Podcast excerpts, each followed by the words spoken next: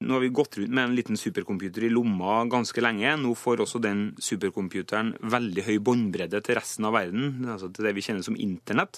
Det åpner for en del spennende tjenester. Jeg tror at det kan kanskje føre til litt mer sånn stress. Eh, at vi må ha alle ting til stede alltid.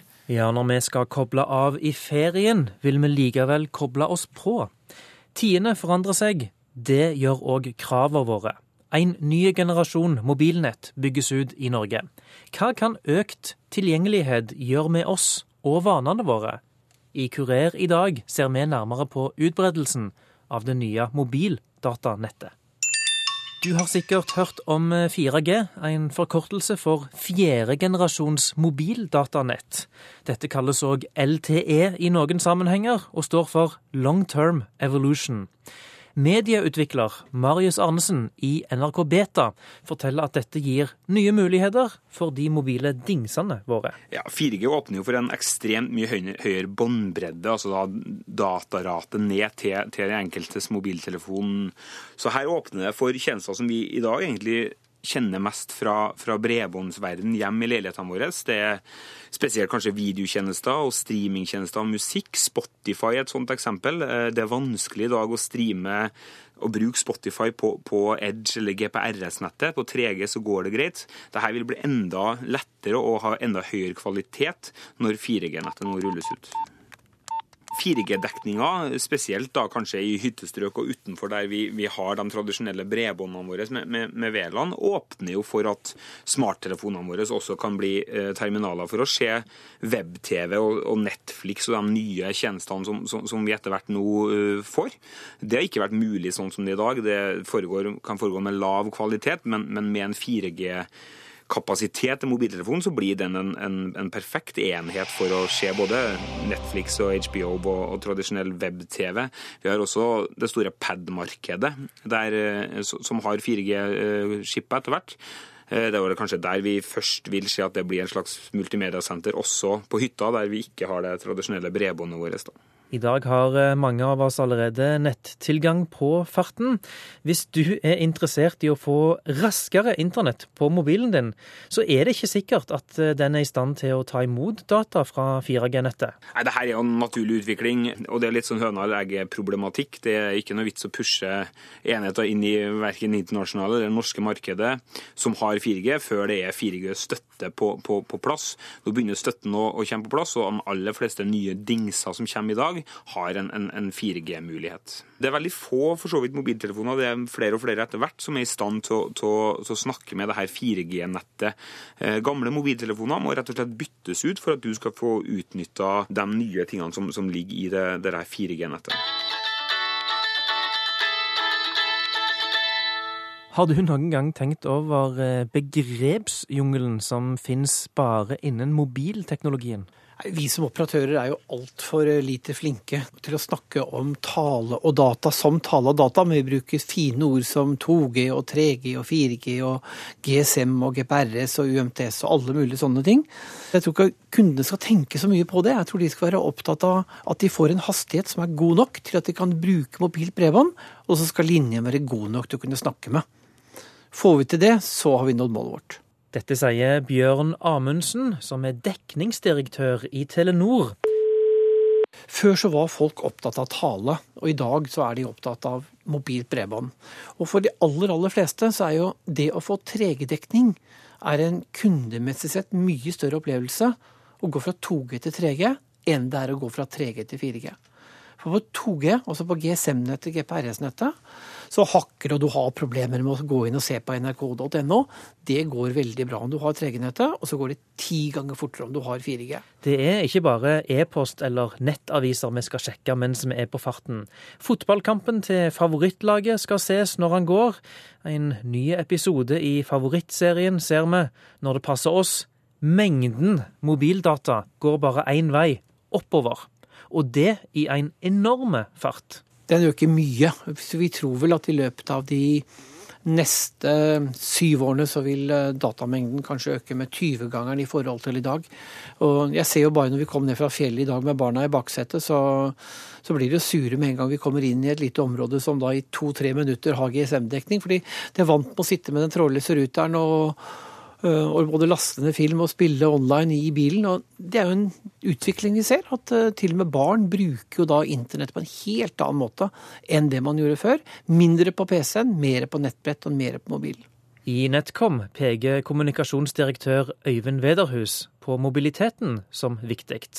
Vi er ikke lenger avhengige av å ha lagt inn internett på hytta eller der vi ferdes for å være på nett alltid poenget med 4G, eller raskere eh, mobilsurf generelt, være seg i et raskt 3G-nett eller et 4G-nett, er jo eh, dette behovet for den konstante mobiliteten. Og det ser du jo eh, overalt i samfunnet, men også i forhold til eh, hva slags tjenester vi konsumerer, at det er et stadig større behov for denne mobiliteten som operatører og samfunnet for øvrig har omtalt så lenge. Den blir endelig med 4G. Da får du virkelig anledning til å, til å ikke kunne tenke på tid og sted når du konsumerer digitalt innhold. Kabler og infrastruktur blir irrelevant. Du skal kunne komme deg på nett. Eh, overalt, absolutt hele tida, og bruke alt innhold du, eh, du bruker hjemmefra. Og det gjør 4G-nettet eh, relevant i forhold til at der har du helt andre hastigheter, du har en helt annen kapasitet, slik at du som bruker ikke trenger å tenke på hvor du er tilkobla. Du kan bare orientere deg om hvilket innhold du ønsker å konsumere. Aksel Tjora er professor i sosiologi ved NTNU, og han tror ikke denne mobiliteten nødvendigvis er en fordel. Jeg tror at det kan kanskje føre til en litt mer sånn stress. Eh, at vi må ha alle ting til stede alltid. Jeg tenker at overgangen mellom å ha lyst til å sjekke noe her og nå, og, og nærmest måtte det, er ganske kort. Det som vi har sett bl.a. når vi gjorde et sånt prosjekt i høst hvor folk kobla seg av nettet i en periode, det var at det å alltid ha tilgjengelig informasjon, altså helt sånn enkel informasjon om når neste buss går, eller mulighet for å melde seg på en treningstime og sånt, eh, det å ikke plutselig ha det umiddelbart tilgjengelig, det var litt nærmest smertefullt for en del av de som, de som deltar. Det som vi kan på en måte slutte av det, er jo at det er veldig fort at vi tar for gitt at vi har informasjonen tilgjengelig hele tida, at vi har muligheten for å kommunisere eller melde oss på et eller annet. Problemet er selvfølgelig at du ikke har en unnskyldning for ikke å være på nettet også.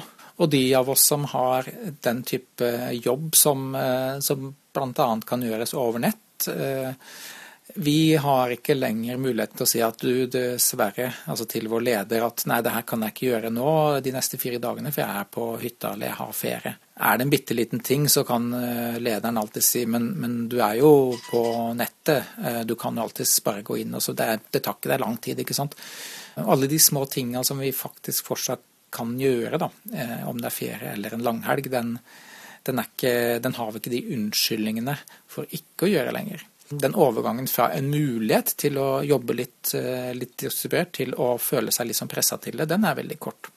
En annen ting er jo det rent sosiale, selvfølgelig. At hvis man er på hytta eller hvis man er på ferie eh, i Syden eller hvor det skal være, så kan det jo tenkes at det her var en anledning til å være sosial innad i familien. Og på en måte liksom eh, legge fra seg en del av de relasjonene på jobb og skole som man måtte ha ellers. Men når man har med seg de smarttelefonene eller nettbrett og er på, påkobla, så så er det vel noe med at eh, både tenåringer og de voksne i familien fort, eh, fortsatt har de samme diskusjonene eller statusoppdateringene gående som, som hjemme.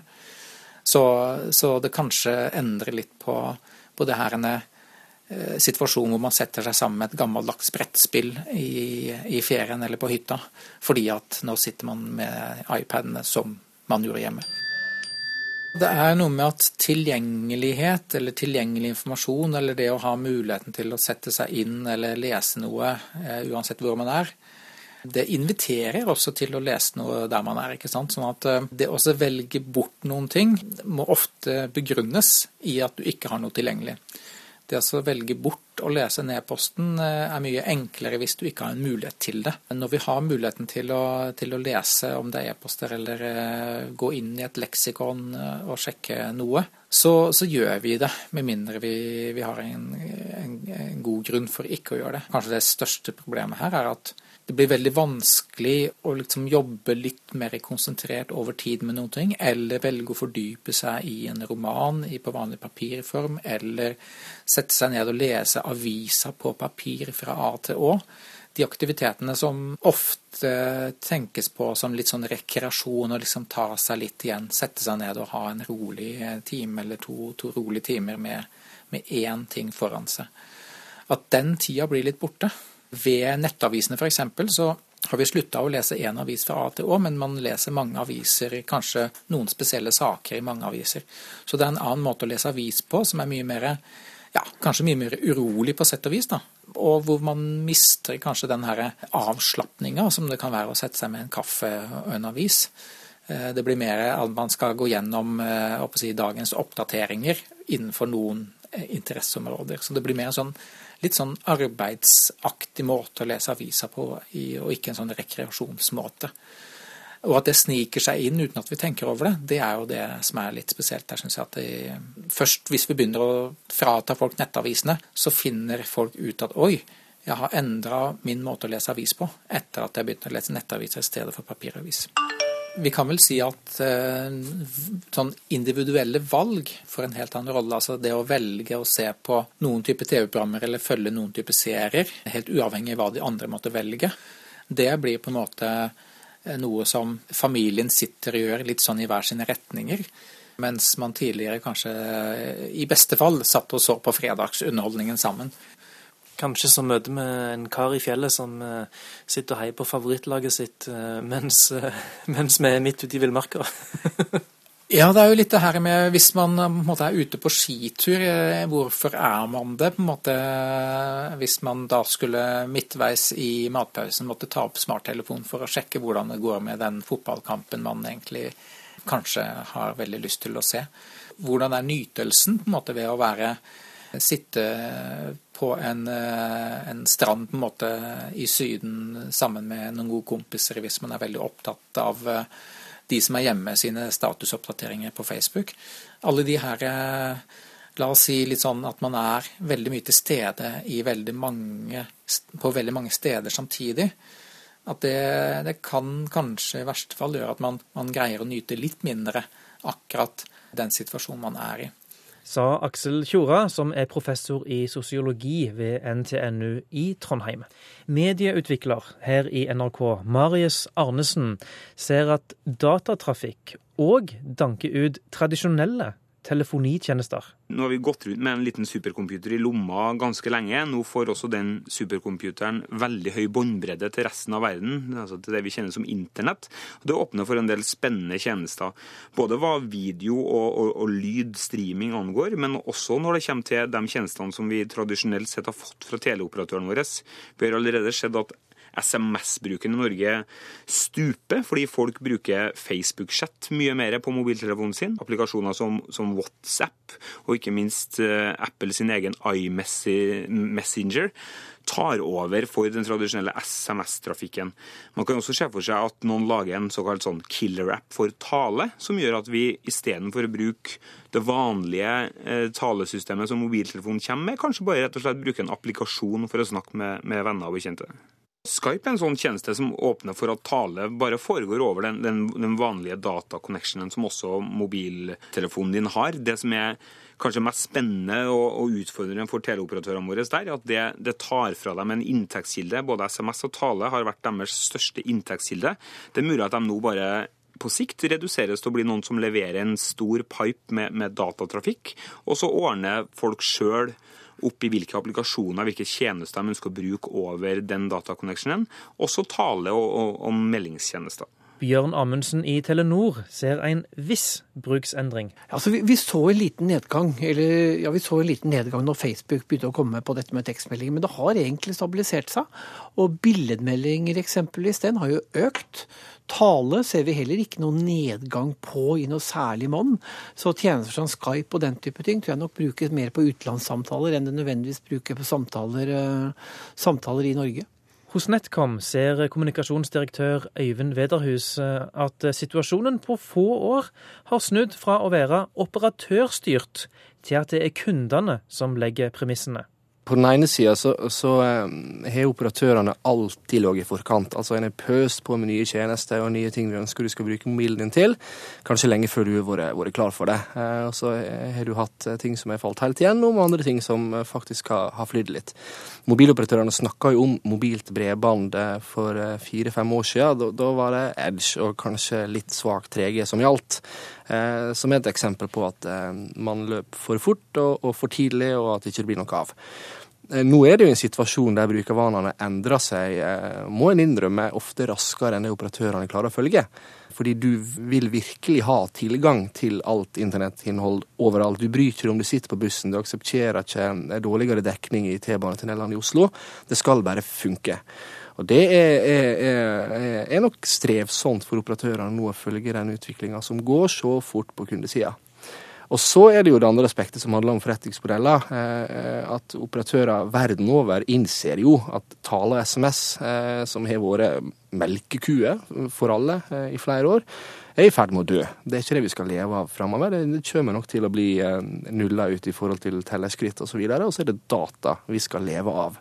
Og Med de investeringstaktene du har i Norge, både NetCom og Telenor, og for så vidt også Tele2, som bruker ekstreme ressurser på datanettutbygging, Eh, så det er klart at det må svare seg eh, i forhold til at vi klarer å tjene mer penger på data.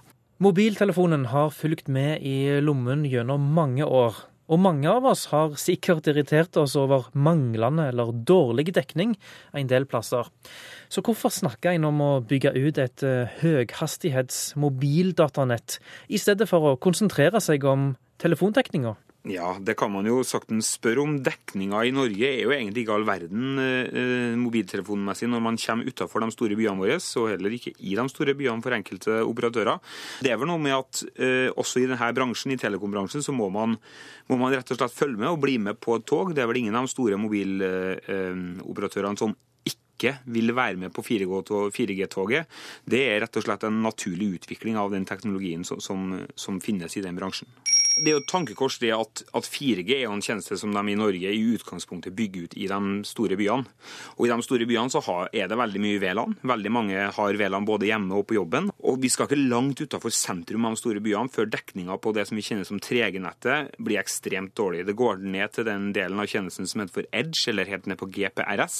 Og Da er det så dårlig dataconnection og så dårlig dekning egentlig at det ikke kan brukes til spesielt mange av de tjenestene som vi kjenner fra moderne smarttelefoner i dag. Så det er jo et, et tankekors at teleoperatørene velger å bygge ut dette 4G-nettet, når de isteden kanskje også kunne ha fokusert mer på det eksisterende nettet sitt. Men det er klart, det er ingen av dem som vil bli beskyldt for å være bakerst i, i køen og ikke følge med på utviklinga. Så det å være på 4G-nettet for de, spesielt de to store operatørene i Norge i dag, det, det er en viktig sånn kommunikasjonsmessig greie. Et tankekors der fra Marius Arnesen i NRK Beta. Men teleoperatørene mener det ikke er grunn til å bekymre seg for den eh, vanlige mobildekninga. Den blir også ivaretatt. Eh, og den, det aller første nettet, 2G-nettet eller GSM-nettet, har jo en utbredelse i Norge på over 99% av befolkninga hos begge operatørene. Og det nettet legges ikke ned, absolutt ikke, det vedlikeholdes. Eh, og i 3G-nettet så kan du jo også ringe og, og sende SMS. Det er bare 4G-nettet som er et rent datanett.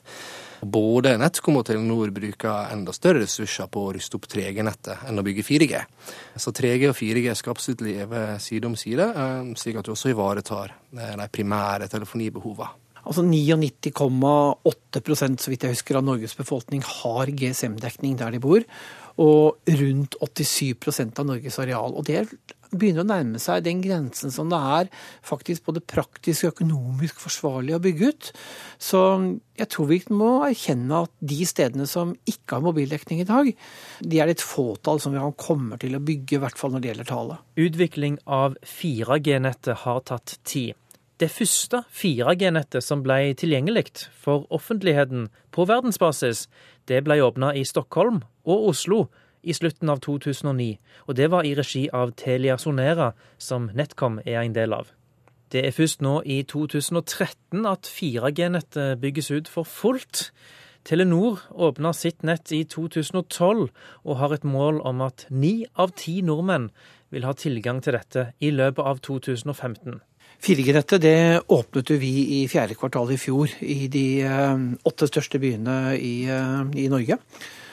Og eh, vi kommer til å bygge ut dette nettet fortløpende nå i hele 2013, og vi har også begynt på, på en del hytteområder. Dette er jo et datanett, slik at i hvert fall hos Telenor så kan du da også ha det på mobilen din, men i det øyeblikket du er i firedekning og får en samtale inn, så går telefonen automatisk ned på 3G-nettet. Og så har du samtalen der, og når du er ferdig, så går du tilbake på 4G og er klar for den høye datahastigheten igjen. I Tromsø har vi akkurat åpnet 4G-nettet, slik at man da nå også på hele øya stort sett har fått, uh, fått 4G. Og for å få til det, så har vi måttet bygge rundt 20 basestasjoner bare på øya.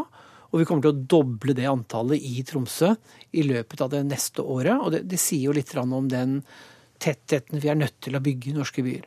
Fra vi tenker første gang på at her ønsker vi å bygge en basestasjon, og til den er ferdig, så tar det vel i snitt et år og drøyt det, hvis man skal bygge stasjonen fra, fra scratch av. Så det tar tid å bygge et mobilnett. Og det var som du sa innledningsvis, vi skal faktisk bygge fjerde generasjons mobilnett, som er et nytt nett. Ambisjonene til NetCom, og den tror jeg er vel rimelig lik med Telenor er at 90 eh, av befolkninga skal ha eh, tilgang til 4G eh, innen et par år. Eh, det betyr intensiv utbygging, og for 2013 har vi vel planlagt 1300 helt nye 3G- og 4G-stasjoner. Så det er rivende utvikling på utbygging. Og så er det en veldig viktig ting som eh, forhåpentligvis skal skje i 2013. Og det er tildelinga av det gamle analoge bakkenettet i 800 MHz-frekvensene. For disse frekvensene har eh, helt unike egenskaper i forhold til å kunne strekke 4G-nettet ut i distrikta. Der har samferdsel sittet i litt for mange år, mener vi, og holdt fast på de frekvensene. Eh, men vi håper og tror at de blir tilgjengelige i år. Og Da vil du se et eh, ganske så kraftig løft på, på utstrekninga på 4G. Samferdselsdepartementet har brukt tid på denne saken for å skaffe nok informasjon og innsikt. Auksjon av frekvenser i 800 MHz-båndet, altså frekvensene som de analoge TV-sendingene brukte før, skal gjennomføres av Post- og teletilsynet senere. Øyvind Wederhus peker òg på at kapasiteten kan være en utfordring når mange bruker mye data samtidig. Kapasitet er jo et, et, veldig viktig spørsmål. Du trenger veldig raske linjer, fiber, mellom basestasjonene, slik at du kan eh, sende og motta såpass masse datatrafikk som kundene etter hvert eh, konsumerer. Og kapasiteten generelt i mobilnettet og datanettet i Norge, 3G og 4G, er veldig god. Det er god plass til all bruk i dag. Men du ser allerede konturene av de store eh, altså evenement, type Øyafestivalen, Bylarm, ski-VM ikke minst, der kapasiteten ikke er tilstrekkelig til å, til å dekke eh, moderne behov i forhold til at det er internettkommunikasjon som, eh, som, som gjelder. Så, så, det er klart at kapasitet i disse nettene er en utfordring for operatørene. I dag ser du det når det er større hendelser eh, i nettet. Og framover blir det sannsynligvis en generell utfordring å passe på at du ikke løper etter eh, brukervanene, men klarer å holde deg iallfall tritt, og kanskje også i forkant av, av endringene. For bare noen år siden var ikke mobiltelefonen allemannseie. Ei heller fikk vi tak i hverandre så lett, med mindre du var en plass der du kunne nås på fasttelefonen. Det var i hovedsak hjemme eller på jobb.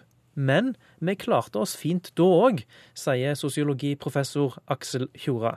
Ja, det er klart. Eh, med, med fasttelefon hjemme og, og, og, på jobb, men ikke mulighet til å kontakte hverandre sånn hvor som helst, den, den eh, håndterte vi også. Så det er jo klart at samfunnet vårt er jo ikke sånn sett avhengig av mobiltelefoner for å fungere. Men det er jo vanskelig å tenke oss at vi skulle reversere det også. Fordi at vi nå tar mobiltelefoner og, og muligheten til å kommunisere på farten såpass for gitt. Jeg tenker at vi nok har eh, vent oss til det og tar for gitt det her i veldig stor grad, men at det, at det fortsatt er mulig å håndtere la oss si, et, et liv uten mobiltelefoner. Men, men vi vil måtte, måtte få en, en, liten omstillingsperiode for å gå tilbake igjen, for å si det sånn. Og hvorvidt det ville være veldig smertefullt, eller om det, om det ville oppleves også litt positivt, det er jo et åpent spørsmål. Vi runder av dagens Kurer eh, med noen betraktninger fra Aksel Tjora om eh, hva det å være tilgjengelige symboliserer. Jeg husker jo tilbake altså da faren min kom hjem med en sånn stor kladeis av en mobiltelefon fordi at han måtte være tilgjengelig i en sånn vaktsituasjon. At det var et sånn symbol på å være viktig. Eh, man var nødt til å være tilgjengelig fordi at man var så viktig. Eh, og så ha med seg den blytunge telefonklumpen, det, det var et sånn veldig tydelig signal på det. Og det har jo holdt seg opp gjennom tidene i betydelig grad. Men spørsmålet er jo også om, om det etter hvert blir tydeligere at det å velge å være utilgjengelig blir noe privilegert. Så det å faktisk eh, ikke være tilgjengelig flere dager i strekk blir noe som kun noen få av oss kan unne seg. Så det er mulig at denne eh, tilgjengelighets, hva man kalles tilgjengelighetstyranniet for så vidt, at den har blitt så allestedsnærværende i dag at, at det er det å ikke være avhengig av mobiltelefon som blir det som blir en sånn statussak for, for framover.